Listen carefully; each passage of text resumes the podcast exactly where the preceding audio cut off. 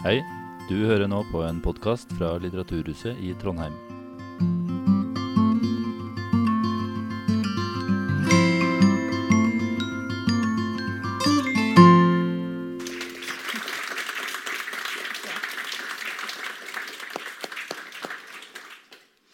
Ja, Velkommen eh, alle sammen hit til Slappfest for Karianne Bys diktsamling 'Eg et før eg kjem'.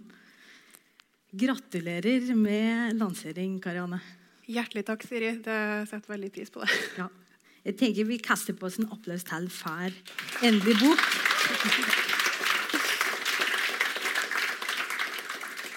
Ja. Eh, mitt navn det er Siri Auland Bredesen, og jeg skal få fasilitere denne kvelden her, som jeg har valgt å kalle det. Jeg antar at de fleste av dere vet litt her du har begitt det ut på. Eh, så jeg skal ikke si så veldig mye om diktsamlinga nå, men jeg skal si noe om kvelden. For kvelden i kveld den vil bestå av samtale og ganske mye opplesninger.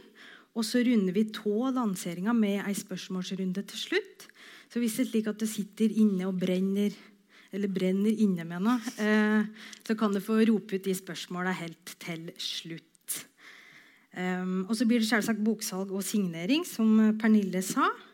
Og så, for det har du sikkert fått med deg, at det er ikke noe øl på denne lanseringsfesten her. Egentlig litt triste saker, men vi har en løsning på det. Uh, det er booka bord på naboen ifra halv ti-tida. Så de av dere som har lyst til å bli med videre på en etterfest, kan altså, Du er hjertelig velkomne da, på Den gode nabo sammen med oss etter arrangementsslutt. Og I og med at det vi er i de koronatidene som vi er i, så tenkte jeg å høre er det noen som vet at de har lyst til å være med, som kan rekke opp en neve, så kan vi bare få telt over. Er det ikke noen som er veldig flink til å telle her? Er du flink til å Siri? Dere teller? Et-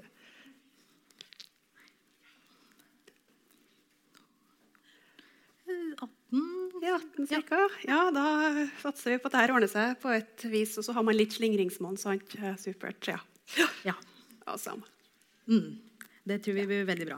Men før vi går i gang, eh, så skal vi få høre noen eh, bevinga ord ifra Kariannes redaktør. Så ta vel imot eh, redaktør på Samlaget, Maren Ingeborg Vamstad.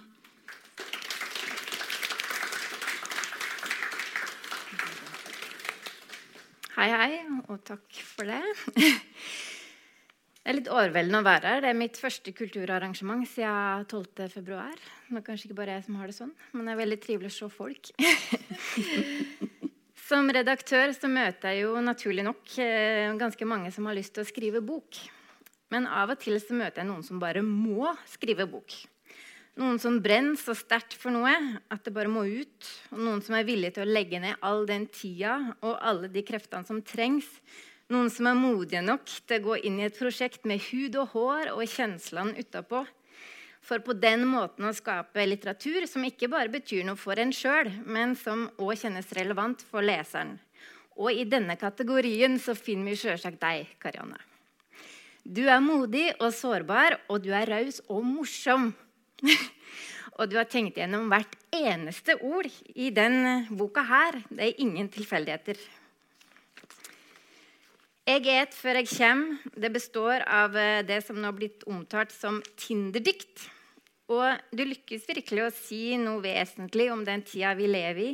Om utfordringene det er å være sin egen reklameplakat på en datingapp der brukerne bare kan eh, nådeløst sveipe videre. Og kjærligheten må konkurrere med begjæret og jakta på perfeksjon, illusjonen av et glansbilde. Men det her er først og fremst ei bok om kjærlighet. Og kjærlighet det er noe som angår oss alle. Og du makter å si noe allmenngyldig om kjærlighet, noe som har relevans langt utover Tinder-universet, og du treffer leseren midt i hjertet. En leser, en høyt respektert anmelder i Adressa, som også er poet, nemlig Fartein Horgard, han har nettopp gitt boka di en femmer på terningen. En femmer, altså. Applaus.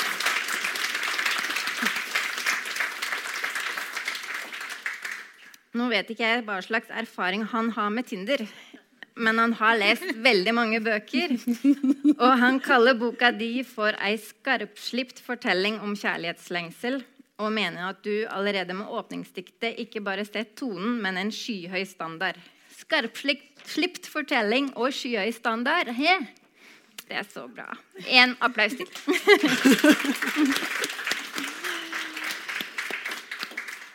Kjære Karianne, det har vært ei glede å samarbeide med deg. Og jeg gleder meg sånn til alle framtidige prosjekt, for jeg vet det blir flere.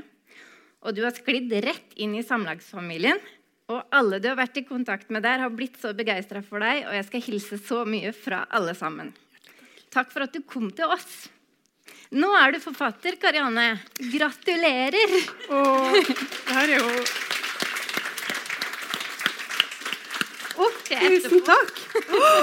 Vær så Så fint. Og så ba jeg meg få en romantisk bukett. Å, hjertelig takk, Maren Ingeborg. Vær så god. Det var kjempevakkert. Tusen takk. Ja. Så må jeg bare si hjertelig takk til Maren Ingeborg altså for at hun er fantastisk. Hun har bare hjulpet meg til å løfte, løfte, løfte, løfte, løft hele veien. Hver omgang. Og samlaget. For en gjeng. De er, liksom, så- de er så fantastisk fin. Og kommunikasjonsavdelinga og markedsavdelinga. De er, sånn, de er så søte! De lager så fine ting på Instagram om boka mi. Eh, og Det er jeg kjempeglad for. Og tusen hjertelig takk for alle de fine tingene. Nå er jeg så rørt at jeg vet ikke om jeg skal fortsette. Så det, er vi har mye foran oss nå. Tusen takk. Skal, du, skal vi legge fra oss vi legger fra oss disse tingene. Ja. Ja, vi gjør det. Vi gjør det. Ja,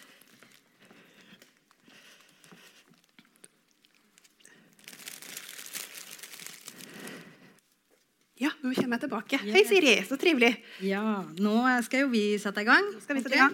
Nå som vi har sett det, som jeg har skrevet, jeg står eh, litt til. Eh, du òg. Ja, nå som vi står her. Mhm.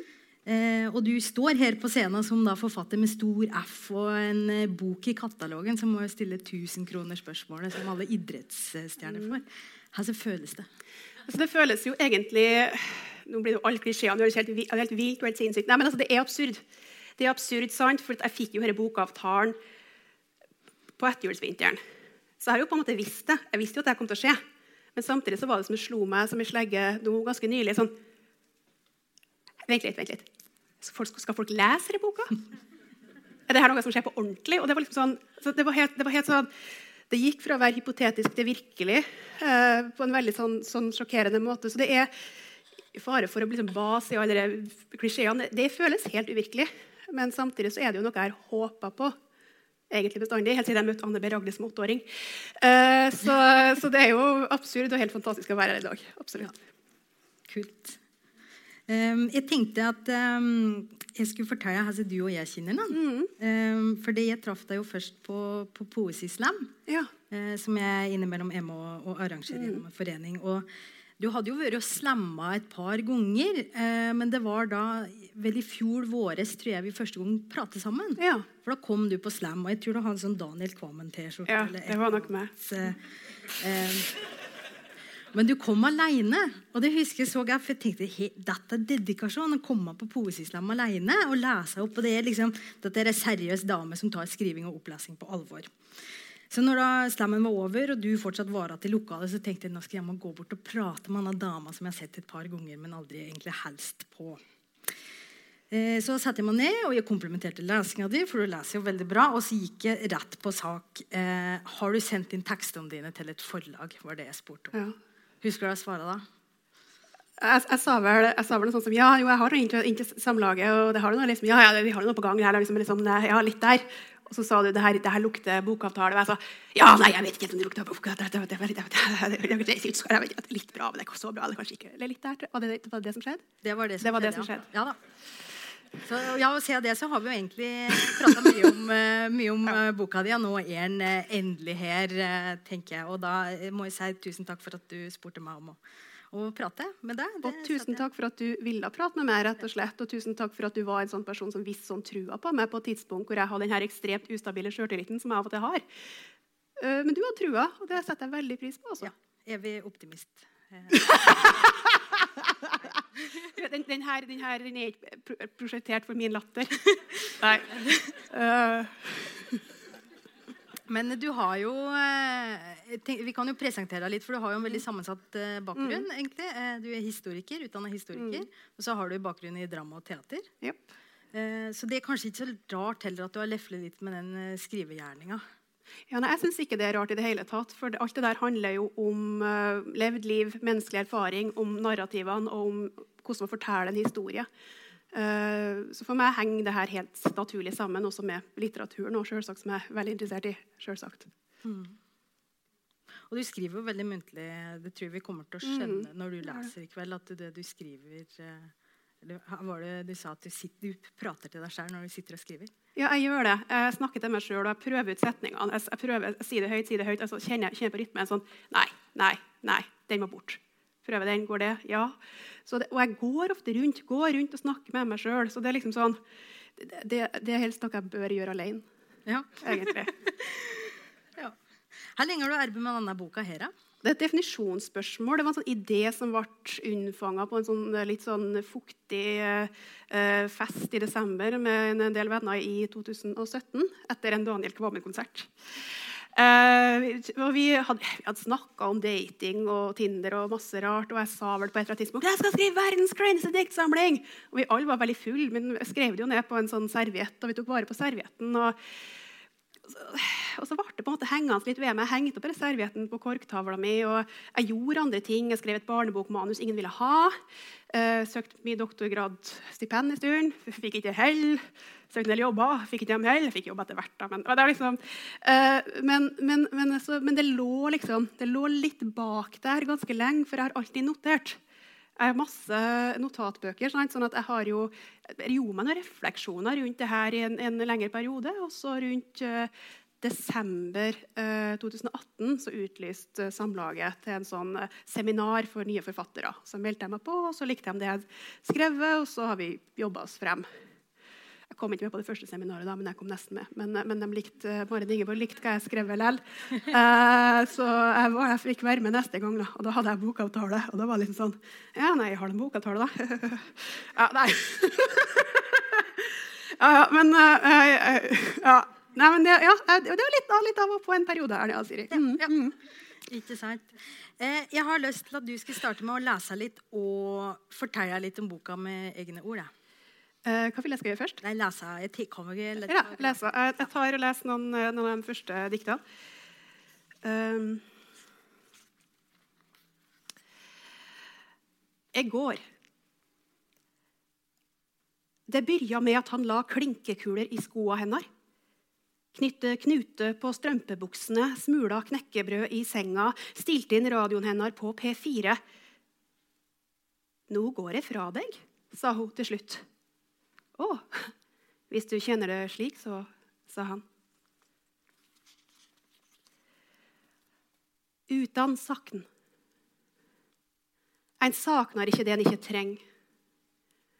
Mangler en noe en ikke saknar, mangler en egentlig ingenting.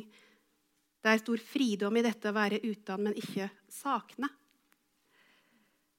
Den sommeren begynte hun se deg på bussene, på kafeene, på uteplassene. Disse mennene som sikkert hadde vært der hele tida. Nå så hun dem og alt hun sakna.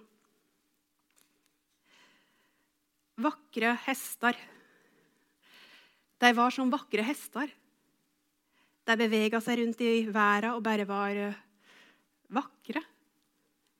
Hun setter pris på estetikken. Hun var en estetiker, sa hun til seg sjøl. Men hun gikk ikke bort til dem. Vakre hester er noe en beundrer fra avstand. Bare kjærleik og død. Hun gikk lenge og så på deg, så gikk hun lenge og tenkte på deg, så gikk hun ei lang lang tid og snakka om deg. Herregud, slutt å være helt Tor Jonsson. Kom deg ut og få deg noe. Det hadde toppa seg for kameraten. Et dårlig menneske. Det var kameraten som hadde oppretta Tinder-profilen hennes en lørdagsnatt da de begge skulle slutte å drikke for lenge siden. Dagen etter sletta hun han. Hun kjente at hun alt hadde blitt et dårligere menneske av å sile andre mennesker. Så drakk det seg fulle att. Denne gangen får du ikke sletta han, sa kameraten. Ja, det var eh, de første dikta i, mm. i 'Eg et før eg kjem'. Her er det for uh, bok du har skrevet. Uh, jeg vil jo for det første si at det er en litt, sånn, en litt hybrid bok. Det er jo i diktsamling, men den, den eh, følger veldig tydelig en, en historie. Og vi, vi, følger en hovedperson. Den har kapittel, den har sju kapittel. Uh, og det handler jo om en hovedperson uh, som uh, Hun er vel på leit etter veldig mange ting, kanskje det med kjærlighet. og det det begynner jo med at hun laster ned Tinder og begynner med Tinder-dating osv. Og, så videre, og eh, møter en del menn i løpet av denne perioden i, i livet hennes. Da, med litt sånn oppturer og nedturer og litt sånn forskjellige kapittel. Um, men det, det, er nok ei eh, jeg, tenker, jeg sier av og til at det er ei bok om ei ung kvinne som ikke er ung lenger. For hun er, hun er 35, men hun, hun baler med alle de tingene som unge mennesker baler med. Hun baler med det der på en måte med å finne seg sjøl. Det å finne kjærlighet, det å finne mening, det å finne arbeid. Altså, det, er, det, det, er, så mye som er i spill. Det er så mye som flyter, mm. som vi ikke har kontroll på. Da. Som vi helt sikkert veldig gjerne skulle hatt kontroll på. Men da vi møter han nå, så er hun mm. altså på, på hver ut forhold. Mm. Og hun beskriver seg jo underveis i boka som eh, Eller i diktum, da. Unnskyld. I diktum som mm. eh, eh, ei høyt utdanna, tålelig oppegående kvinne. Ja. ja. Eh, og hun har jo egentlig, kommer det fram, lova seg sjæl at hun ikke skal lette seg overkjøre av mm. kærer. Det lova seg for seg sjæl som lita jente. Ja. Mm. Og da vi møter henne, er hun egentlig veldig åpen, eh, opplever jeg som i hvert fall i første del, åpen mot verden og klar fær på en måte å, å heve seg utpå det her mm. sjekkegamet etter, etter at forholdet har tatt slutt. Um, vil, vil, du si noe mer om henne? Uh, nei, jeg, jeg, tror du er veldig godt inn på sporet der. Altså hun, hun, det, det, er jo litt det der at hun det er som du sier at Hun, hun prøver å, å gå utpå noe igjen, men det virker ikke helt som hun på en måte helt vet hvordan hun skal gjøre det her. Eller det er litt, sånn, litt, litt krevende, så hun på en måte får denne assistansen av denne kameraten. Og så blir det her ei greie som er veldig morsom i begynnelsen. Fordi Tinder er veldig morsomt i begynnelsen.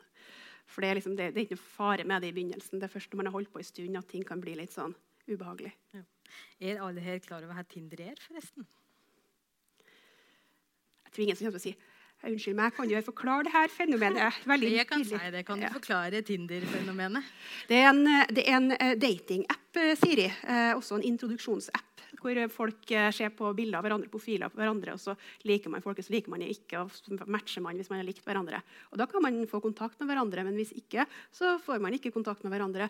Og Det, har et sånt, eh, det, det er en fordel, fordi at da slipper f.eks. kvinner å få kontakt med menn de ikke vil ha kontakt med, som var tanken i utgangspunktet da de utvikla Tinder. Så Tinder har et sånt halvfeministisk opphav, men det, det tenker ikke vi så veldig mye på. Nei, jeg tror ikke jeg endte opp. Veldig feministisk er det kanskje ikke. men også, ja det, tanken, tanken, var jo god på et tidspunkt. Ja. Ja. Men hvorfor ender uh, hovedpersonen her på Tinder? da? Jeg tror det er det at hun ikke vet hva hun skal gjøre. fordi det er noe med det der at hun er i en situasjon hvor hun observerer her menn og ikke vet helt hvordan hun skal gjøre det. Og så kommer en kamerat og sier bare gjør det her. Ah, ja. ja det, det, er sånn man gjør det her nå, tydeligvis. Sant? Det er jo noe med det at hun, hun, på en måte, kommer ut av et forhold. Og det er jo litt at Hvis man har vært i et forhold kanskje lenge, så er det ikke sikkert man helt vet hva er det ungdommen gjorde nå for tida. da, sant? Det, det, det, det er det å få et redskap, tenker jeg. Ja. Mm -hmm. Og så er det jo kanskje den følelsen av at det de aller fleste i dag er på sånne datingapper som f.eks. Tinder. da. Ja, og det er det ganske mange som har opplevelsen av. Og det, det kan man jo observere på utesteder òg. At du kan ha en sånn situasjon hvor folk ellers vil ha snakka med hverandre, så skal man sitte, sitte man sant, ved bordene sine og sitte så noen jenter, unge damer da, på et bord her og sveiper.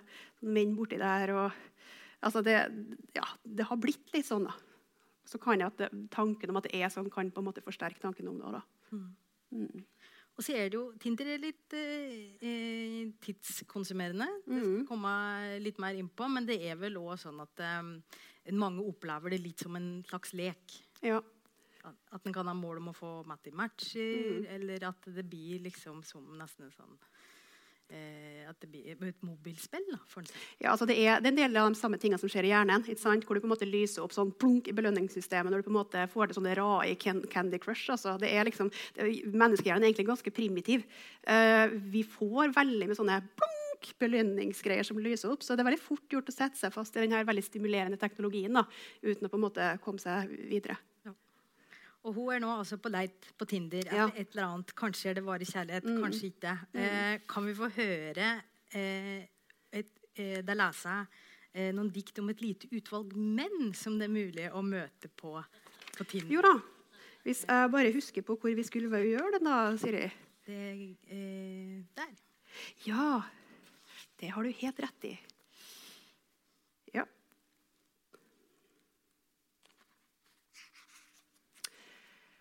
Profil. Nei, hva skal en skrive her, da? skrev han på Tinder-profilen. Hun hadde lite å gå på, men det var til at hun klassifiserte han som et slags lav. En mellomting mellom alge og sopp. Eh, I alle fall noe som var for passivt til å forføre henne. Tinder. Det var ikke tvil. Denne menneskehanden kunne forsørge ei hoe. Sjå, han holder en fisk. Snapchat. Hun skulle selvsagt ha blokkert han med det samme han begynte å sende dickpics. Men noe sa henne at dette kanskje var alt han hadde. Hun greide ikke å sparke noen som lå nede med smekken åpen. Det er slik stå på Tinder, altså. Sånn er ståa. Ja. Mm.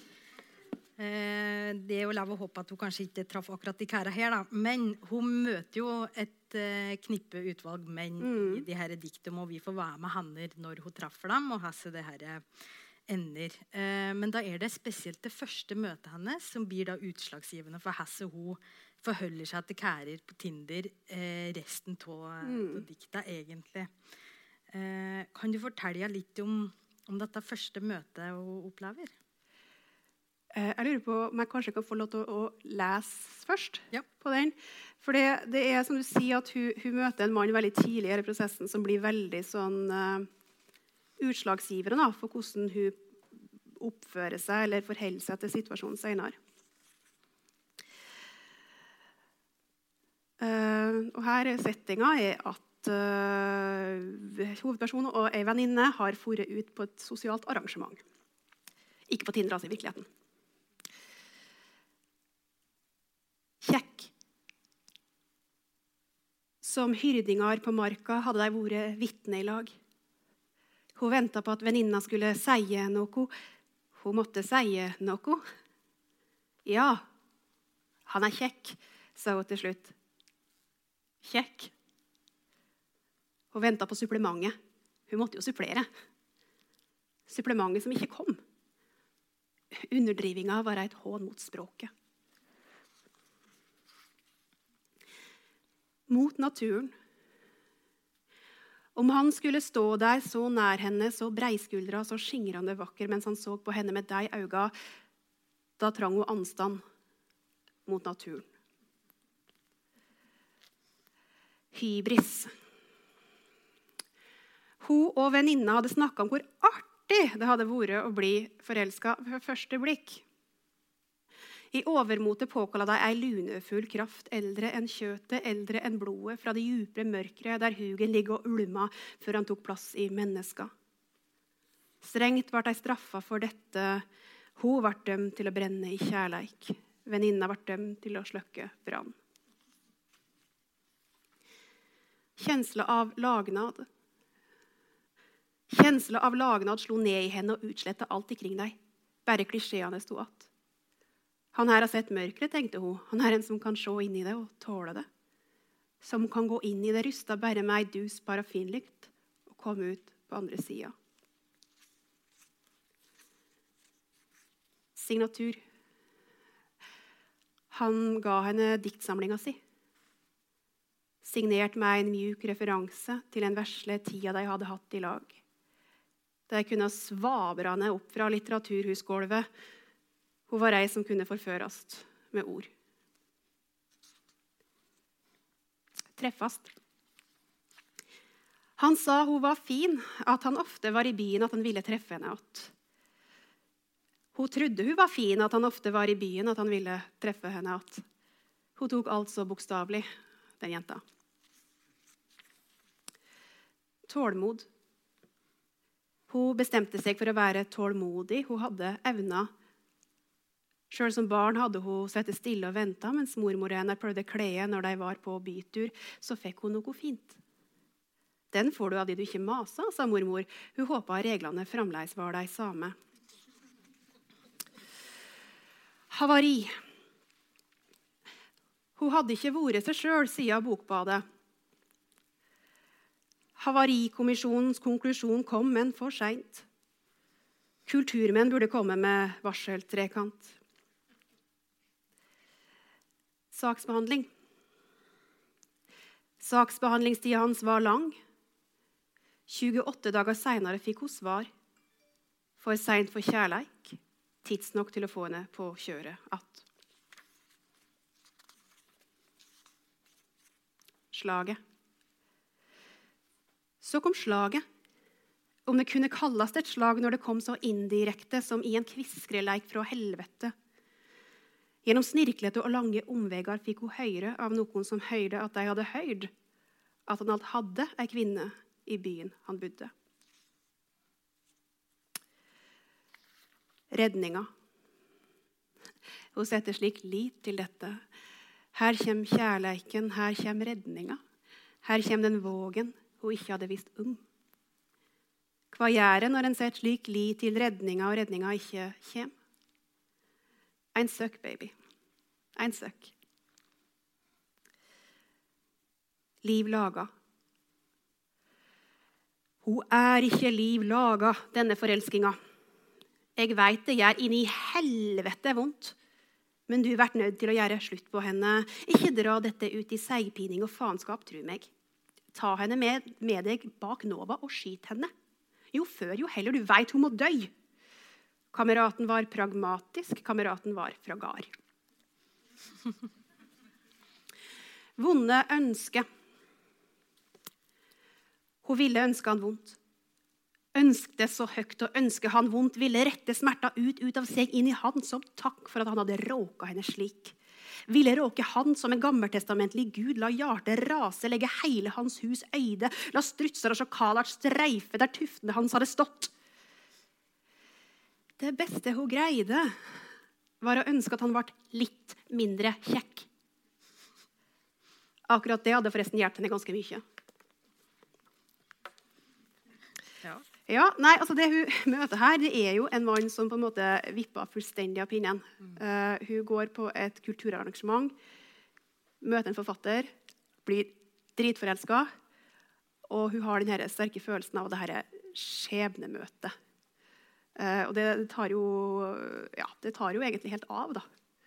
Og det gjør jo òg det at fordi at hun sikter så høyt der, og det går til helvete, så tenker hun at ja, men oi, hei, det her har jeg sikta for høyt, gitt.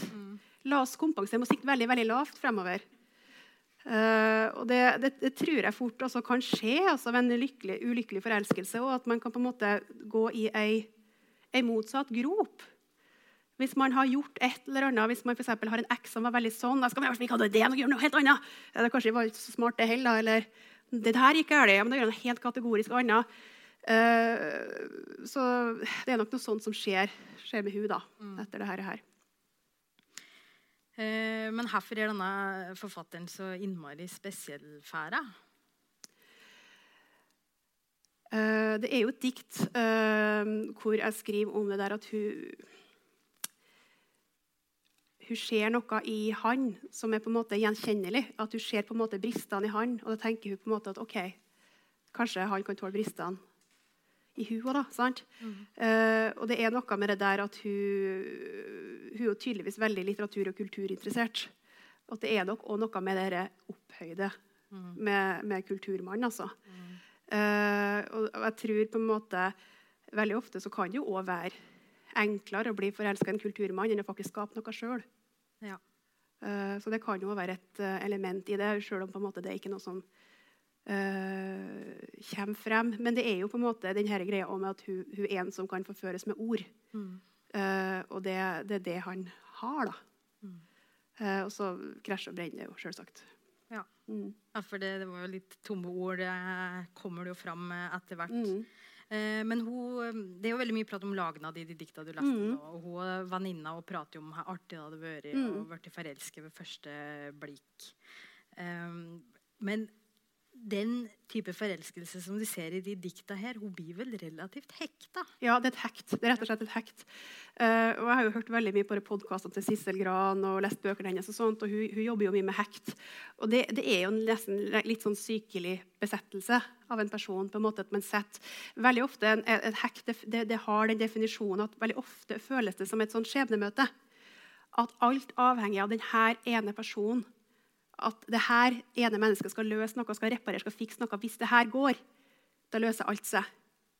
Um, og, og, veldig ofte så er jo på en måte et hekt veldig knytt, altså, veldig typisk at det er en person som vil veldig, mm. og en person som ikke vil. Altså at du på en måte du får en sånn veldig sånn kunstig oppbygging av noe som egentlig ikke er Liv laga. Ja, det er ikke liv laga. Nei, det er ikke liv laga. Liv laga. Nei. Eh, men du leste jo det siste diktet du mm. leste. og eh, Det sier jo litt om hvordan hun egentlig takler den avvisningen. Hun blir mm. ganske sur og skulle ønske veldig mye vondt, men hun får jo mm. ikke helt Nei. Nei. Eh, det heller. Nei, det, det, det får ikke til. Eh, og det tror jeg er fordi at du fremdeles har godhet for den. Men, men, det tenker jeg jo litt sånn som vi to har snakka litt om, det er jo på en måte litt forskjell på kvinnelig og mannlig aggressivitet. i en del tilfeller også. For Man kan se en del mannlig eh, aggressivitet i, på Tinder og gjennom dating. og sånt også. Men mens hun her hun, hun blir avvist, og hun, hun, på en måte, hun reagerer med at ja, men det, det er jo så mye galt med meg. Det er jo så mye galt med meg. Å nei, å nei. Og, å, oi, oi, oi, så mye galt. Mens, men på en måte, det er ikke sånn at hun på en måte går ut og blir dritsint. Altså, hun, hun retter jo ikke sinnet mot han. Hun retter jo sinnet mot seg sjøl, som trodde at det her kunne være noe. Ja, Hun retter innover, og innover. det så er det vel egentlig en sånn skamfølelse skam. som setter seg mm. i hender, som må prege mm. eh, veldig mye. Mm. Og Det er jo det jeg skriver om i et dikt. at det, liksom, det, er noe med der med, Man kan bli lurt av stråleglans. Den kan kaste seg over deg og få deg til å tro at det lyser sjøl. Mm. For det er noe med det der at hun på en måte setter seg sjøl Hun setter han så høyt. Helt absurd høyt, egentlig. Uh, men da skjønner ikke jeg før etterpå at hvis hun har satt han så høyt, og tenkt at hun òg kan noen, da har hun satt seg sjøl like høyt. Og Det er jo en sånn utrolig synd av overmot. Ja. Så det er jo noe, noe hun blir veldig nødt til å skamme seg veldig mye for etterpå. da. Ja. Og og, og, ja, det gjør jeg skikkelig. Ja. Det er liksom sånn, Hun setter dager ja. på, på, å skamme seg for akkurat dette her. Ja. Jeg har skrevet, skrevet, dikt om det. Å bruke en hel dag på, på å ligge i senga og skamme seg for teite ting man sa da man prøvde å sjekke opp noen. Så går det i loop. Jeg har en ganske lang rant om uh, byggmester Solnes serieboka. Det er en sånn uh, Løp og kjøp. Den er morsom. Ja. mm. Men det jeg synes var veldig interessant da jeg leste den første ja. gangen, er jo å se på hvordan hun opererer på Tinder mm. i det her sjekkemarkedet litt versus måten hun eh, opererer i det virkelige livet. For hun er jo ja, oppgående dame, hun er belest og utdannet. og Allikevel så klarer hun da å finne de her drittsekktypene som behandler henne mm. ganske dårlig. Eh, men hun klarer jo, for det er en dissonans mellom måten hun eh, opprettholder og pleier de relasjonene hun har, eller inngår relasjoner. For hun har jo eh, flere venner, bl.a. mannlige venner også, som setter pris på henne. Og så treffer jeg henne på et tidspunkt eh, Eller baristaen der hun bruker å kjøpe seg kaffe, begynner mm. å prate litt med. Og vi mm. tror jo egentlig han flørter litt mm. med, med, henne. Tror du det? Ja, jeg tror det. Ja. ja. Mm. Det, det får, løp og kjøp, så får du se. Jeg så ikke denne, men ok. Ja. Gjorde du ikke det? Nei, det var, ja. Det er denne lokalkommentaren. Ja. Ja. Men er ikke baristene alltid veldig sånn jovial og trivelig? Ikke for å få tips, da, Siri? Jo, men eh, det er jo Nei, du prøver å sette meg inn. Så du, tror baristene her flørter? Når han sier at jeg bruker å være på lokal i helgen Nei! Oi! Oi! Ja, nei, men det, det må jeg si. Ja, det var litt på, han, da. Ja. Mm. Han, han, er litt på, ja. ja, nei, men eh, det, ja, men det, er jo interessant at du sier det der, at du har, du har jo fungerende relasjoner. Ja. Du har jo det. Og går seg jo litt bort. altså slik eh, Don Quijote eh, leser for mye ridderromaner, så er jo altfor mye på Tinder. Eh, og, og, det liksom vindmøllekampen hennes. Hun investerer så utrolig mye tid i å vente. Ja. Eh, sånn som det diktet 'Tålmod' som du leste. Ja. Hun sitter og tenker jo da at det, jeg kommer til å få denne karen hvis jeg bare klarer å vente det ut. Ja, ja, Det er jo helt sykt. Det er helt sykt. Og på en måte prøve å finne ut altså, hva er reglene i universet her. Jeg er ikke helt sikker på hva reglene er, men jeg har lært en ting før. Jo, da jeg var unge, hvis jeg venta skikkelig lenge og ikke maste, så fikk jeg det jeg ville ha til slutt. La oss prøve det. Mm. Ja, det, det, det, det, virker jo sånn kjempehensiktsmessig, egentlig, altså, men, eh, men, hun gjør jo det. da. Ja, og gjør det egentlig ganske mye Ja, Det er mye venting, ja. møter Ja, det er det.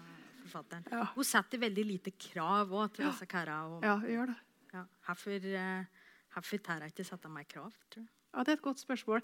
Uh, jeg, jeg tror det er to ting i, i, i det der. At jeg tror hun prøver å på en måte, jeg tror ikke hun er helt sikker på hva hun kan kreve. Men jeg tror det er også det der at når du setter krav til noen Hvis du gjør behovene dine kjent, og de ikke blir møtt, så er det så sjukt vondt. Da er det vondere, altså, det er vondere å bli avvist enn å ikke ha bedt om noe i utgangspunktet. Da kan alt være et bonus. For en bra ting awesome. Men hvis du har sagt det her er behovet mitt, og så får ikke det du trenger, det er så utrolig sårt. Så jeg tror du på en måte har den her eh, distansen, så tror jeg også at hun har et veldig stort behov for å være kul. For jeg tenker at man må være veldig, Det er liksom litt mentaliteten i dagens datingmarked. Man skal være kul. Man skal ikke være sånn innmari skal ikke ha så innmari følelser. Da. Er Sånn, ah, hallo, det her er, det her er chill. Det her er sjukt chill. Eh, det går så fint, så. Um, så jeg tror hun på en måte overkompenserer. Jeg tror hun vil, jeg tror hun vil være veldig flink. Rett og slett Prøve å finne ut hva, hva er reglene her Ja, reglene er sannsynligvis at man er veldig chill. Ja, se, her skal man bli chill, ja. Jeg venter. Ja. Um, kommer ikke til å mase, nei. Det kommer ikke til å skje i det hele tatt. Det skal ikke gjøre det. Men det har jo vi prata om, at det med å skulle være så innmari kul, eller det å vente egentlig bare nukk i en sånn typisk kanskje kvinnefelle, Ja. for den tillater seg selv å bli overkjørt. Ja, vet du, det, det tror jeg faktisk. Og øh, jeg tror jeg vil ta et liten sånn avstikker til Alf Prøysen her nå. Ja. Eh, Alf Prøysen skriver veldig fint om det her. Um, fordi han, han skriver så veldig fint om, om kvinner eh, og hvordan de har det. da. Eh, men veldig ofte det, den bygden han og det samfunnet han skildrer, det er liksom den største skammen uh, ei kvinne kan gjøre seg skyldig i, det er å være klengete. Hvordan er ei kvinne klengete i det her universet til Alf Prøysen? som han beskriver? Jo, det er at det er ei dame som står utafor et lokale og venter på en kar. Da vet jeg, klengete, ja, det er klengete, ja. Oi, oi, alle skjemmes. Det kan at du venter fordi at øh, han har gjort deg gravid. Det kan at du venter av veldig, veldig gode grunner, men det er liksom den, i det her samfunnet, det bygdesamfunnet som Alf Prøysen skildrer, så er den største skammen det å være klengete. Eh, og jeg tenker at vi har, vi har noe av det i dag òg. Den skammen med å være klengete. Det er på en måte det, det, er mer, det er mer skamfullt å være den som på en måte setter noen til veggs, og som står utafor eh, danselokalet og sier 'Hei, du eh, Johannes Nerigala', eller hva det heter. Ta ansvar. Det, nei, det er ikke kult.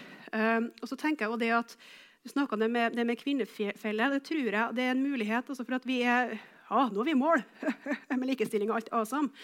Uh, men, men det er jo det at med, med mye av dagens tanker om veldig fleksible forhold Det, er mye av det nå. Veldig sånn, ja, nei, men Vi kan ikke bare casual, trenger vi å kalle det noe. da, det nei, det går fint. Så er det veldig fort gjort at man likevel havner i sånne situasjoner hvor kvinner tilpasser seg ganske mye, og en mann tilpasser seg veldig lite. At det er liksom damer som på en måte planlegger ting og ordner ting og tar kontakt. og 'Skal vi møtes, eller har du tenkt på hva vi skal spise? Sover du her i natt, eller hva skjer egentlig?' Mens menn bare sånn 'Nei, jeg vet ikke, jeg er jo bare en liten gutt på 38.' Litt sånn. altså, det, det, så jeg, altså, jeg tror det her liksom, det her er sånn kvinnefelle. Altså, for det er liksom sånn 'Jeg er bare en enkel gutt fra landet.' Altså, eller det, hvor de kommer fra. Altså, det, er litt sånn, det er sånn, sånn 'Å, jeg er bare en liten gutt.' Altså, det, ah, ja, det er kvinnefelle. Så jeg, jeg tror kanskje, kanskje skeive, par kanskje får til det her lettere. det her mer casual greia. Kanskje det er mindre folk som går inn i sånn veldig sånn kjønnsstereotypiske fikser, tilrettelegger. Skal vi spise noe rolle? Kanskje. Ja. Jeg vet ikke. Vi skal eh, innom det litt uh, seinere i samtalen òg. Eh, men jeg tenkte for det i, mm, Nå har vi jo hørt litt fra del én, og så del to med, med da O-kulturmannen. Og så i del tre, da, dagene. Eh, der er det jo dager som kretser rundt ganske mye. Hun blir arbeidsledig og tenker på denne forfatteren. Ekskjæresten dukker opp igjen. Hun reflekterer over alderen sin og andres aldre. både eldre og, og yngre enn seg sjæl. Og hun er ensom og tidvis irritert på seg sjæl fordi hun ikke liksom helt tør å satse på verken seg sjæl eller kjærligheten og, og sette de her kanskje grensene som er litt nødvendige. Eh, og jeg har lyst til at du skal lese litt ifra eh, del tre, dagene.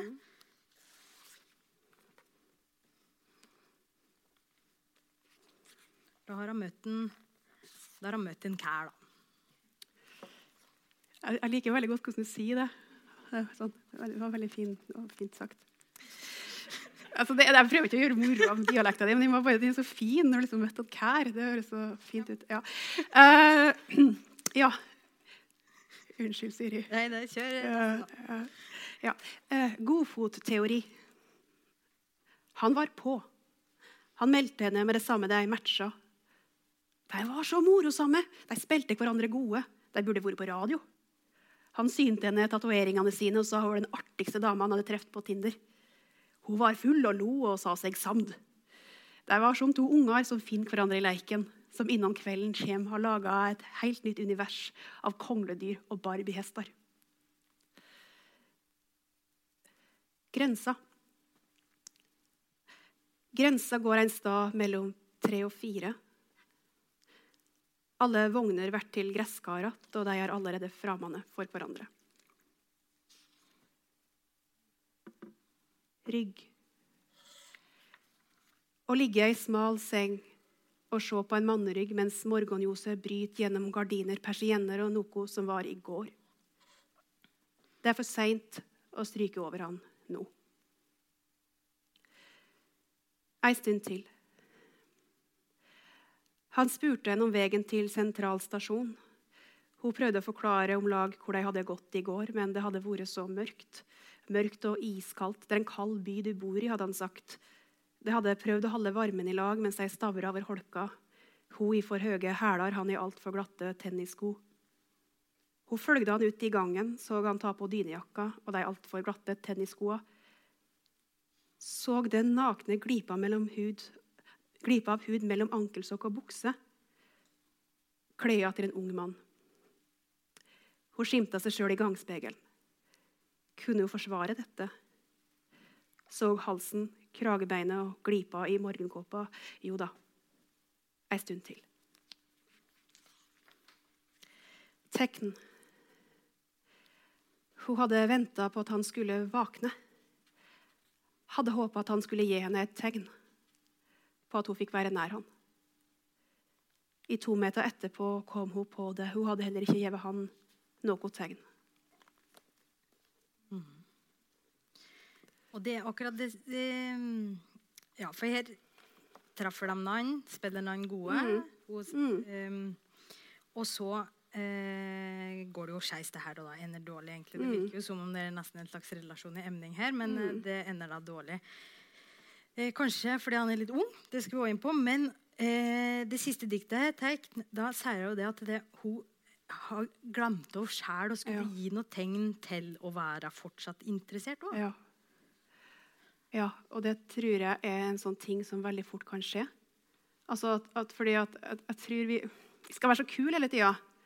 Uh, og da, da kan det hende at man oppfører seg så kult at man på en måte man peiler sånn på hva og Er den personen interessert? Eh, vil denne personen ha meg? Er vedkommende interessert i noe mer? Peile, peile. Hva vil du, hva vil du, hva vil du? hva vil du? Og så stopper man, har man ikke skjønt at man sjøl ikke har gitt putta noe inn i det for å vise den andre som sikkert peiler. Hva vil du, hva vil du, hva vil du? Liksom. Nei, ingenting. Og det er, jo nok, det er jo sånn man bygger en relasjon òg. Det er jo det at man, man putter litt inn, og så putter den andre litt inn, og så putter man litt inn, og så putter man litt inn, og så putter man litt inn. Så hvis det er ingen som putter noe inn der, så er det på en måte liksom sånn ja, da, da skjer det jo ingenting. Eh, så, så, så hun har jo på en måte kanskje vært så fleksibel og så villig til å på en måte gi han her friheten til å være interessert eller ikke interessert, at hun har jo ikke gitt noe tegn på at hun faktisk er interessert. Mm. Sånn at det blir jo ikke noe mer. Nei. Og så er det jo også det eh, For han har jo åpenbart kledd seg litt trendy, han da med Ja. ankelsokker og Det er sånn ungdommen går med til Nordkorea. Ja. Mm, eh. Hun er 35. Ja. Eh, han antar vi er litt yngre, da, men hun tenker jo veldig bevisst egen alder. Ja. Og syns det er ubehagelig å skulle gå Mm. eh, date Mm. nedover i alder. Hvorfor det? Eh, Det tror jeg er den kulturelle greia igjen. Rett og slett At det er på en måte noe vi har blitt lært. at liksom sånn at, eh, å ja, og menn, menn er jo egentlig bare interessert i folk som er yngre enn dem. og Det, det er litt sånn det, det, Ja, den henger veldig, veldig fast, altså. Og den er jo egentlig litt uh, litt rar. Uh, men så, altså jeg, tror, jeg tror vel på en måte, men en, en av utfordringene hennes er at du hele tida prøver å peile. sant? Altså, hvor kun kan du plassere seg sjøl i forhold til andre? Er jeg pen nok for det? Er jeg ung nok for det? Er jeg morsom nok for det? At Samfunnet sier jo egentlig det, at det å være gammel det er ikke særlig bra. Så det er vel liksom sånn, ja, men altså, hun, hun er jo egentlig litt for gammel, da, men er kanskje pen nok til å være sammen med han. Nei, det er kjempekomplisert. Ja. altså. Prøve å Mm. sette seg sjøl i en sånn kontekst. Ja. Ja, for det skal jeg spørre om nå. Her er det som har vært noe i datingverden i dag, egentlig. Det ja. jo, jeg tenker Ganske åpenbart så er- spiller jo utseende Mm. en rolle. Mm. Eh, alder òg, da, Ja. kanskje. Eh, altså, andre ting er det vi, vi kan stille i et forhold med, som kan være enten gode eller dårlige ting som eh, Nei, altså Helt sånn målbart så er det f.eks. Har du unger fra før, eller er du eh, skikkelig gammel? Eh, er du arbeidsløs? Eh, er du skikkelig dårlig til å, å eh, kommunisere, f.eks.? Har du veldig veldig stygge bilder på profilen din? Altså, det er jo en del sånn helt sånn praktiske, tekniske eh, ting. Men, men jeg tror det jeg også på en måte sett, er jo det at folk vil jo gjerne ha folk som har livet sitt i orden. ja. Eh, så Og det er jo litt sånn, Nå vil jeg snakke litt om Jane Austen. Ja. ja. for det er jo en sånn ting jeg har tenkt på, på mye om når jeg skrev denne boka. Eh, det er jo det der at eh, liksom, Jeg har reflektert rundt mye med det her med liksom, dating, eh, eh, datingkulturen og osv. Og det jeg på en måte innså at det ligner veldig på en måte på Jane Austen sitt uh, romanunivers. For i Jane Austen sitt romanunivers så er det sånn Oi, den landeiende adelen er på vei ned. Borgerskapet på vei opp. What? Det her var jo kjemperart. Hvordan skal vi peile oss nå? Ok, ja, Hvis jeg er litt, sånn, eh, litt fattig adelsdame, kan jeg gifte meg med den veldig rike, men veldig sånn nye penger fyren her, men er ganske rik, da. Så kan vi gjøre dette her? Ja, kanskje. Altså, det, det, det, det, er vektinga som foregår hele tida der, som jeg synes er interessant. Og da har du annet i Emma. Sånn. Emma er jo en matchmaker som gjør det hele tida. Hvem kan settes på nivå, hvem er under, hvem er over, hvem er, altså, hva virker inn. Uh, og der har hun en situasjon hvor hun har en venninne som hun er veldig glad i. som tenker at Venninna mi hun setter venninna si høyt. sant? Hun kan bli sammen med han nye presten. Awesome. Men hun tenker ikke på at venninna hun er jo på en måte lavt altså plassert. Hun er jo egentlig en lausunge. Hun har et veldig ukjent opphav. Så han presten reagerer jo med Hæ? Plasser meg sammen med hun? Det er jo absurd. Jeg, jeg vil jo være sammen med Emma. Og det er i hvert fall absurd. For hun er jo langt over han.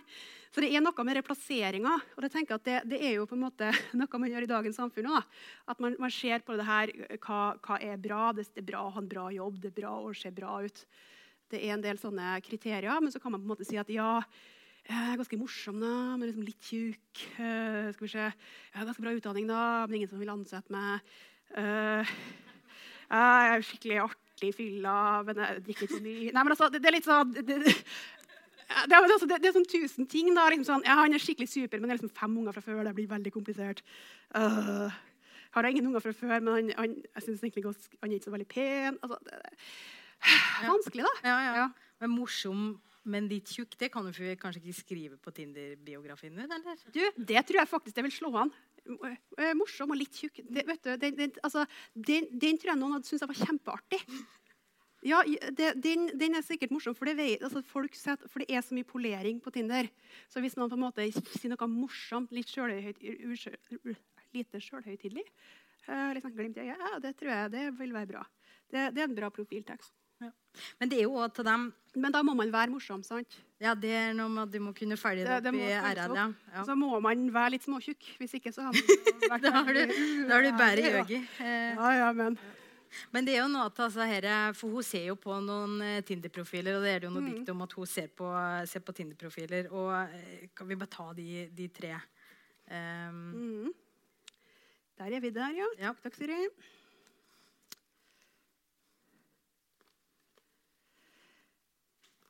Penelope. Jeg har tid på mandag, sa han, på kvelden. Eventuelt vært det tirsdag på formiddagen eller onsdag, senest torsdag. Da treffes vi fredag. Supert å ha en plan. Får bli lørdag heller. Lørdag kveld har jeg planer, men kaffe først. Søndag. Netflix og chill. Smileblunkefjes.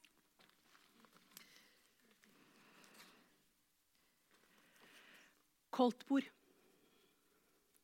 Ribbe og lammerull, sylte og svinekam, sursild og tomatsild og peppersild og sennepsild, gravlaks og røykalaks, baklaks og spekelaks, waldorf og eggerøre, skagenrøre, rørtebær, eggsalat, ostefat, fenalår og rømmegraut. Han rakk ikke overalt, men gledde seg til å prøve. Uvitende og hvitløs om at på en annens koldtbord så var han kanskje aspik.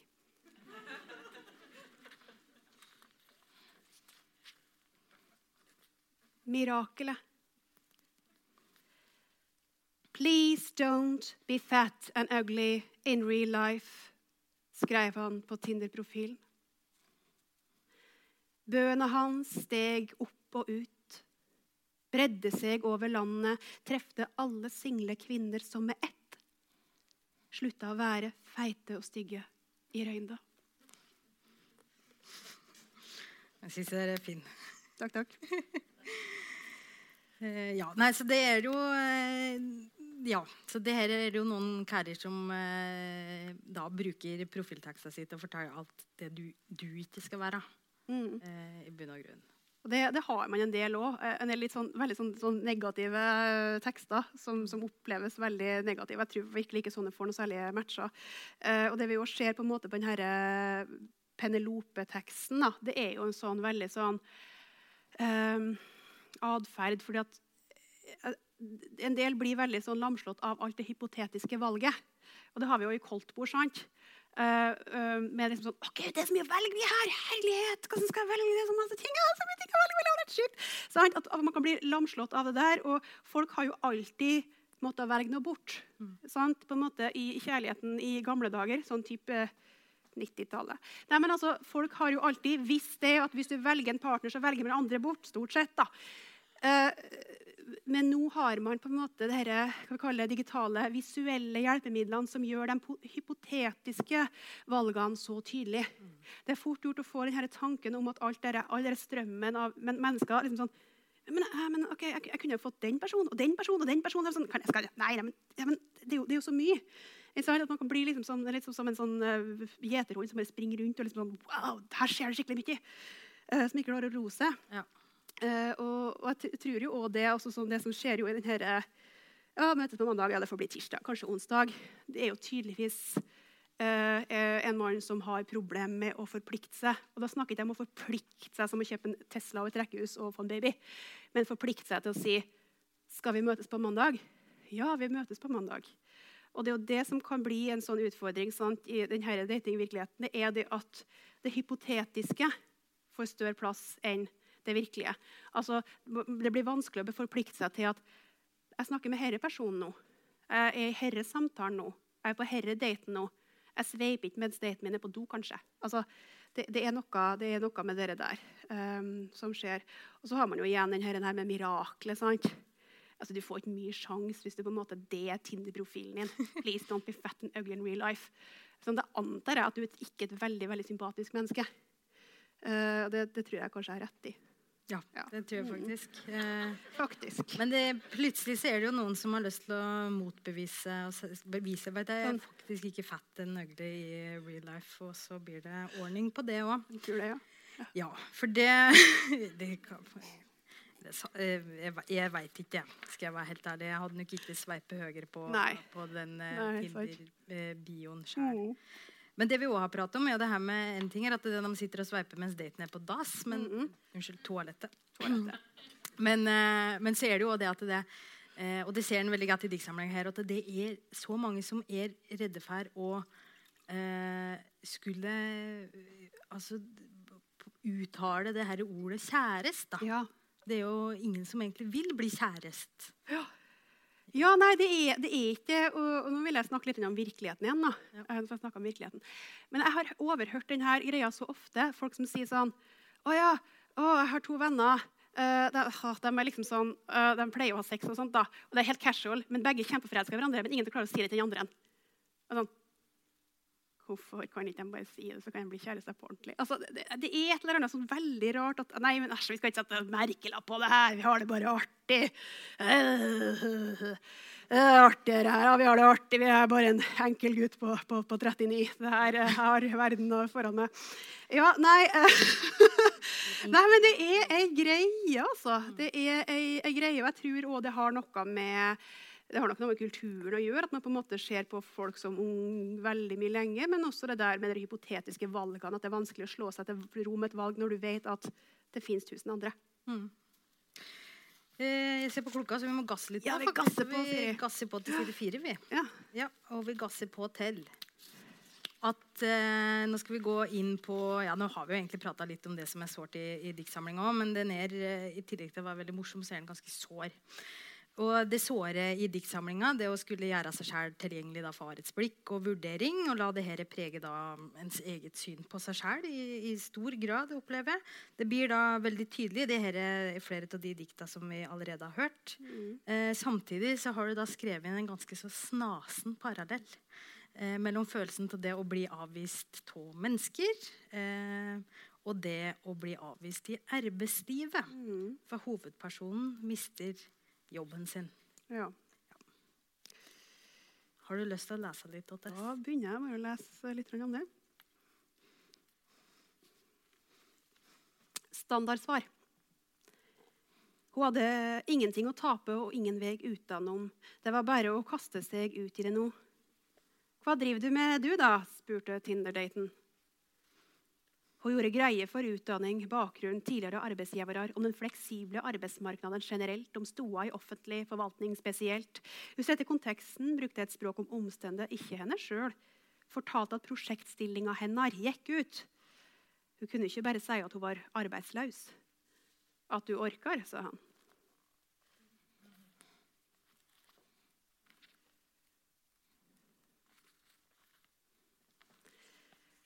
Dagvandrere hun laga seg æren. Gikk ned til byen for å kjøpe stearinjuice på bruktbutikken. Så tejushandlere hun likte, men ikke kjøpte.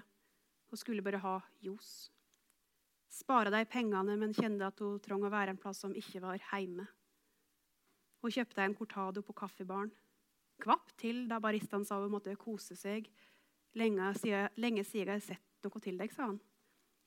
Hun innså at det var lenge siden noen hadde snakka vennlig til henne. eller i det hele tatt.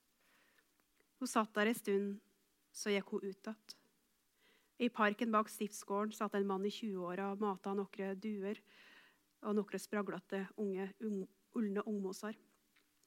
Hun kjente et slektskap og gikk videre, ikke mot noe spesielt.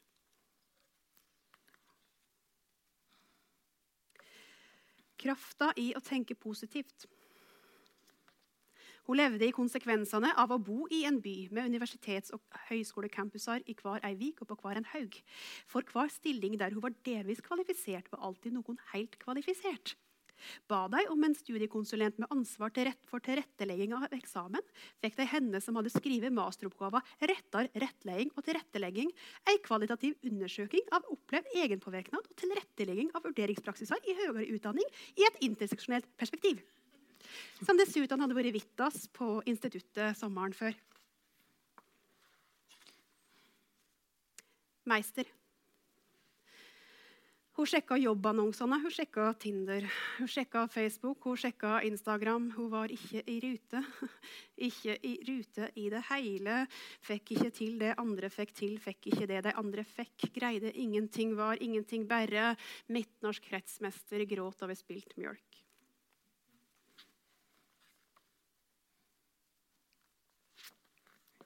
Rekruttering.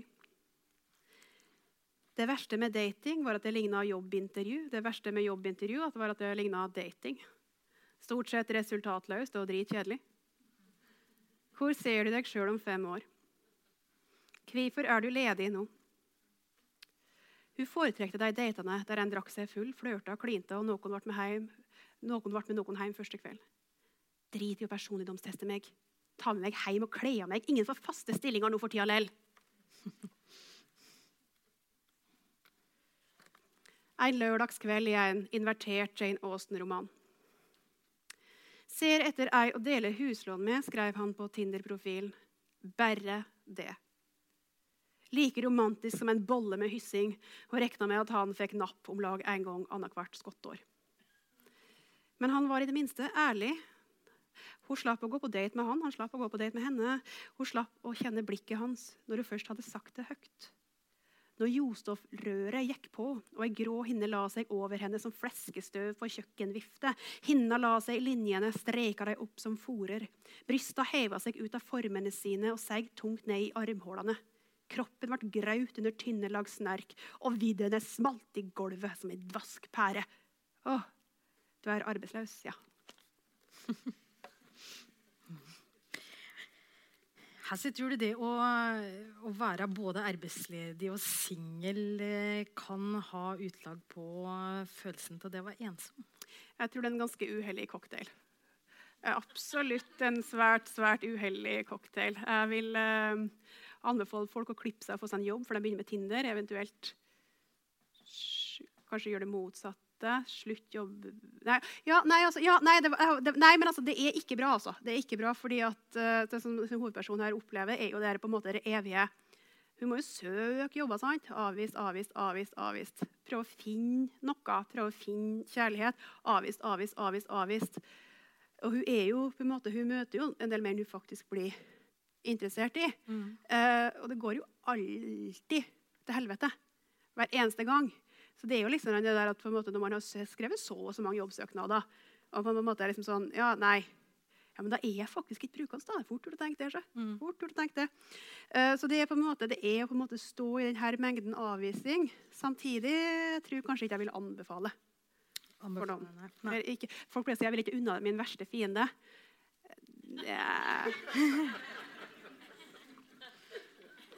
Jeg må bare bryte all ja. etikette og si et lite intermesso. Skal vi ta med den? Jeg har litt lyst på det. skjønner du, Men uh, ja. nå går vi litt over tida. Vil du, vil du jeg skal lese hele den, eller bare de utdragene? De.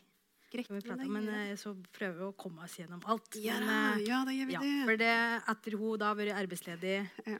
og styrer med det, så vender jo denne forfatteren tilbake. Og da litt utover i dikta så bikker det rett og slett over færa. Og for alle oss som kanskje har tenkt at du har vært litt sånn tiltaksløs dame hittil, så blir det ganske mye tøffere.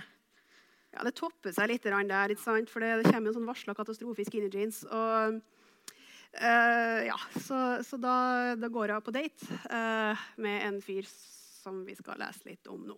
Ja, for dette er da del seks. En mann som kan terge på seg gråstein. Lurer på hva den handler om. um, å terge på seg gråstein. Det var historias verste første date. Han var ikke vond å se på, men han hadde personligdom som ei hobbydrone. Jævlig irriterende for alle andre nett enn som eier han. Han var en mann som bare tagg om å bli rista.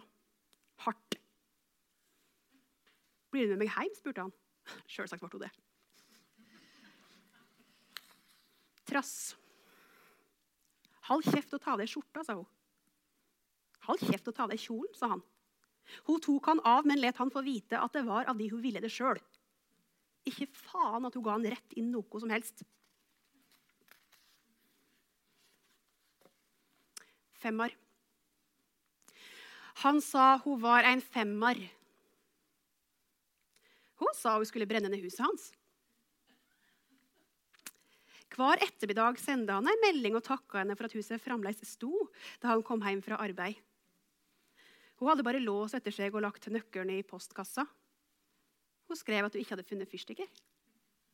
Så begynte de om igjen. Drittsekk. Men han er jo en drittsekk, minte hun seg sjøl om.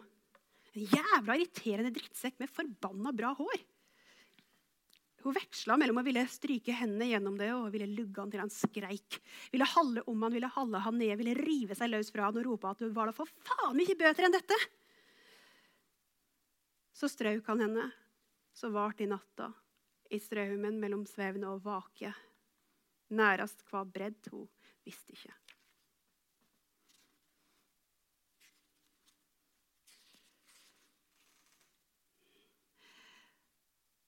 Etterpå. Dagene og nettene var tomme igjen. Hun hadde ingen å gå til mer. Hun savna så teite ting som å gå hjem fra huset hans om morgenen. Å gå fra senga til en vakker elsker. Gjennom det tidlige morgenljoset. Få veg en plass. Litt ør av å ikke ha ete ennå. Kjenne lukta hans fremdeles på seg og smile. Ta opp telefonen og skrive. Nå brenn huset ditt, din jævel. Det brenn! Her har hun vært på Tinder-reise og og Ja. begynner vel egentlig å bli litt lei. Mm. Ja. Jeg tror jeg på en måte det liksom ingenting som betyr noe lenger. Det, det har begynt å komme til et punkt hvor det er sånn uh. Mm. Det er liksom det er ingenting som ordner seg lell. Nei. Så nå har, da- da la det seg jo ut med en, en kar hun visste at det ikke kom til å være så Ja. Kanskje bra, men eh, det er nice å ligge med en kjekk her. Det som skjer her, er jo, ja, men altså det som skjer her, det er jo at hun på en måte, det her, er, det her er ingenting, det her er ingenting. det her er ingenting. Eh, men så blir hun jo faktisk litt forelska i denne dusten. Mm. Som eh, eh, sier at han ikke vil ha kjæreste og skaffe seg en. Ja. Og da kommer jo Hevnjerven. Ja, Og den, eh, for de av dere som har sett på boka, så er det altså en liten jerv. Ja. Rett og slett. Her, Ja. her i alle dager en hevnjerv. Mm. Uh, og det hender folk spør meg om det er en panda eller en vaskebjørn. eller et eller annet, så bør jeg forklare, men det er, det er jo helt klart en jerv. Uh, nei, altså Hevnjerven, uh, det er jo det herre uh, Det dyret man kjenner på innsida. Når man på en måte bare Man vil bare bite fra seg. Man vil bare bite, og det knuser bein. og Det er, liksom, det, det er jo hevnjerven i hun som bare vil vil bite fra seg, bite fra seg mot han, bite fra seg den nye, mot den nye dama, bite fra seg mot det hele greia der som har såra oss så gæli. Uh, og, og det er noe med det, Jeg ser en jerv. jeg ser for meg, Du spurte meg litt hvorfor en jerv. Og ettertid har jeg tenkt litt på det hevnjerv og hevngjerrig. Det ligner jo litt på hverandre. Men, men det er noe med jerven, med, med liksom kroppsholdninga, hvordan den er. og litt sånn, den er litt sånn og jeg brukte mye tid på denne jerven. det kan dere tro. Eh, Stakkar omslagsdesigneren og fikk sånne mailer tilbake. Sånn. Ja, veldig fin hevnjerv, men den ser litt for um, sjølsikker ut. Husk at den er ikke bare, uh, den er ikke bare sint, den er òg ganske redd. Og så prøver den å være litt skjult, så bør liksom tenke at den er litt sånn. Uh, og så er den på en måte, den, den, er, liksom, den er mest gjemt. Og så har den, liksom sånn, har, den har litt sånn, den har ikke et helt underdadig kroppsspråk, men den, den er liksom sånn, du, den vil ikke bli sett, da, men den ser deg. Ja, eh, det vi jo har vi noen runder på. Jeg har vært veldig fornøyd. Eh, veldig, fin, veldig fornøyd med denne her, her, veldig fine boka. Og så er den liksom litt gjemt bak strekkoden, eh, og det syns jeg er, det er veldig elegant. Ja. Eh, han heter for eh, Magnus Osnes, da, han som måtte gjøre det her flere ganger. Men da tenker jeg egentlig vi har tatt en ganske, ganske fin overgang til eh, eh, litt sånn eh, at vi prøver å, å samle sammen noen tråder for det. Det er jo eh, ei rosa bok Ja. eh, som handler om dating fra et kvinneperspektiv. Har du vært redd for at det skal blæse som en sånn femibok? Eller at eh, det skal anses som sånn ja, begrep vi sikkert hater begge to, men sånn typisk kvinnelitteratur? Altså, Boka er rosa fordi at jeg vil at den skal være rosa. Uh, og det var fordi at jeg ville ha noe sukkersøtt. Og jeg ville ha noen sånne konnotasjoner altså opp mot uh, hud og kjøtt. Men det jeg ville ha, det ville jeg ha, jeg ville ha noe sukkersøtt og rosa som på en måte kunne på en måte, tittelen på en måte kunne bare slå mot. Og vi har ikke lest titteldiktet. Nei, nei, nei, ja. La oss gjøre det akkurat nå. Da gjør oss det akkurat nå. 109, er ikke det? Ja. Da er hovedpersonen i en situasjon hvor hun har en slags relasjon til en mann, men de er jo ikke kjærester, da. Sjølsagt, for det, det er stress. Jeg et før jeg kjem. Hun spurte om de kunne ete middag i lag. Jeg et før jeg kjem, sa han. Hun sa ingenting og åt middag alene. Da han kom, ville han ha restene. Eh, og jeg måtte jo spørre om hvorfor eh, hvorfor det hadde vært den tittelen. Og da kunne du fortelle meg at det ikke er veldig vanlig å spise middag sammen da er på date. Nei, det er, ikke, det er jo ikke det. Men altså det, det som er greia i herre situasjonen, det er jo det at det hadde ikke vært så veldig rart for de her to å spise middag sammen.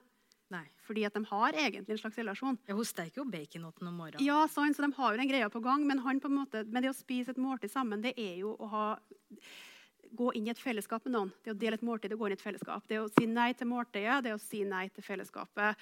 Og det, på en måte, det, det bringer meg liksom tilbake til det her, hva jeg ville med boka. Den er rosa, og så skal tittelen slå bunk! Eget kommer. Det det er så stort at det på en måte stikker ut på oversida og undersida. For det er, noe, det er en ganske sånn stor avvisning i det her. Ikke sant? Eh, Æsj, jeg kan komme hjem til deg, liksom, men, men jeg, jeg, spiser før jeg kommer. fordi at eh, avstand det er en avvisning. Mm. Men det er jo en, eh, for du hadde, vel, du hadde bestemt deg for denne tittelen før noen påpekte at det var kanskje lå en liksom dobbel mening i den. Ja, men den skjønte ikke jeg. skjønner du. Nei. Den skjønte ikke jeg. Uh, så, så det, det, har folk kommet opp til meg etterpå og liksom sånn, og sånn ah, 'Du som skrev den boka!' Litt sånn. sånn. Ja, det, Her er den doble ja, meninga.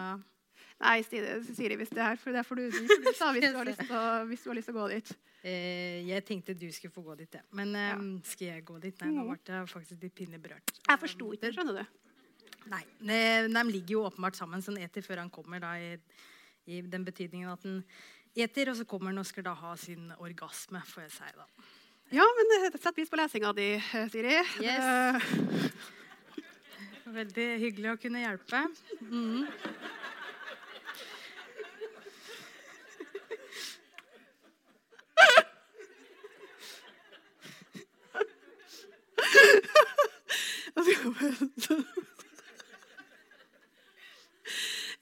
Ja, hva, skal vi gjøre nå? Nei, du, nå skal jeg spørre deg herfor, eh, for det boka satt til Trondheim. Var det viktig for deg at det var liksom trondheimsdikt? Eh, det føltes veldig riktig Det føltes veldig riktig å, å plassere det i, i, Trondheim og plassere det inn i, i stemningene. Jeg har bl.a. Et, et dikt hvor jeg på en måte beskriver stemninga og lyset i Trondheim på sommerstid. Uh, så det føltes godt. Altså det føltes, jeg er jo veldig glad i Trondheim. Uh, så det, det, det, var, det føltes som en god ting å gjøre. da. Mm, mm, -hmm. Og så er det noe, og det skrev jo da eh, Fartein Horgard i Adressa, at det er imponerende med en diktsamling på over 200 sider. Eh, Hvorfor ei så lang bok med dikt? Den må være så lang. Ja. Det er derfor.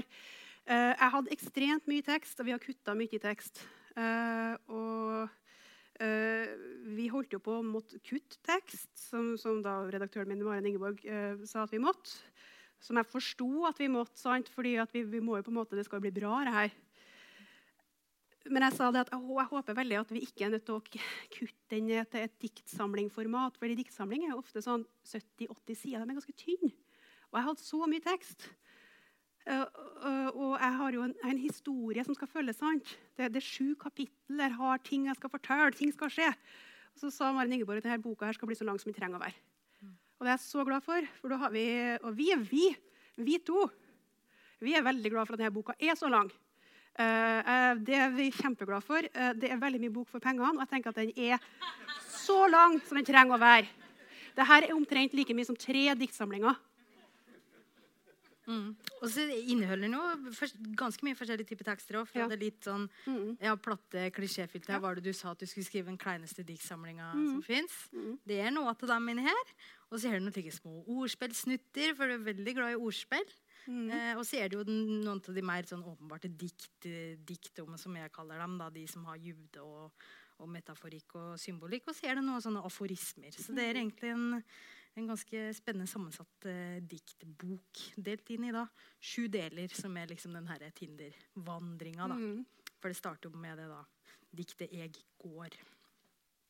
Men eh, jeg veit jo at eh, du har eh, ja, fått anmeldelse i Adressa, mm. du har mm. fått intervju i Adressa, eh, vært på NRK Trøndelag. Eh, Kvinner og klær-magasinet har intervjuet deg. I dag så var det Dagsavisen. Mm. Så det, det, får eh, det mye som skjer nå. Mye ja, oppmerksomhet ja, mot boka. Og Dagsavisen har, har lagt min bok som en av uh, høstens beste bøker, faktisk.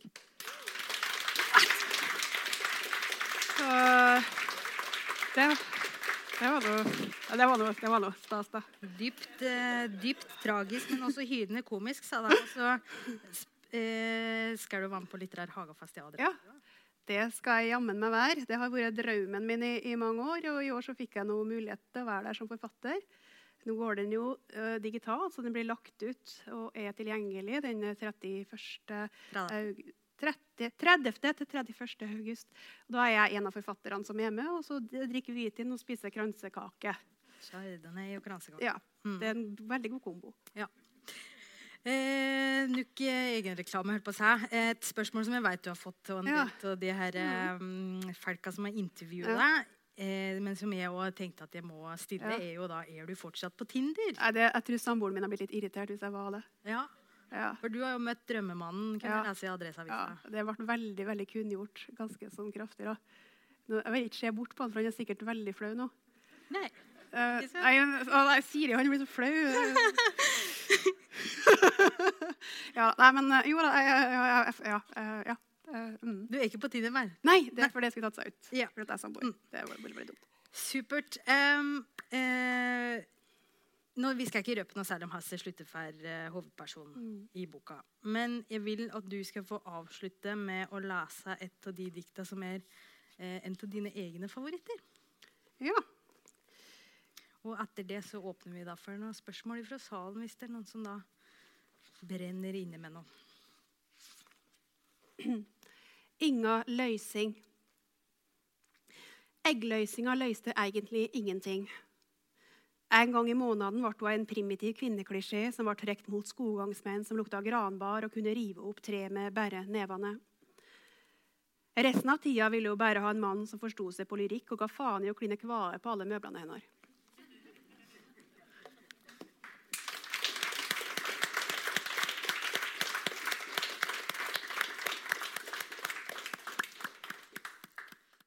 Ja, men eh, Karianne, Ja. eh, gratulerer igjen. Eh, tusen takk for en eh, flott samtale. Tusen hjertelig takk. Og så er vi, eh, prater for hele rommet her. Antar jeg sier at vi er spente på neste prosjekt. Tusen takk. Takk for at du kom òg. Ja. Og så ville vi gjerne gi deg en blomst. Ja. Fordi at eh, du er helt fantastisk, Siri. Jeg setter så stor pris på deg og det du har gjort her. Og den jobben du har gjort. Og jeg synes du er, du er så super som, som person og som uh, fagmenneske. Og som du er veldig flink til å bade folk. Uh, så tusen hjertelig takk for at du gjorde det. Jeg setter veldig stor pris på det. Jeg setter veldig stor pris på det. Strålende bokbad. Ja, bare hyggelig. Veldig takk.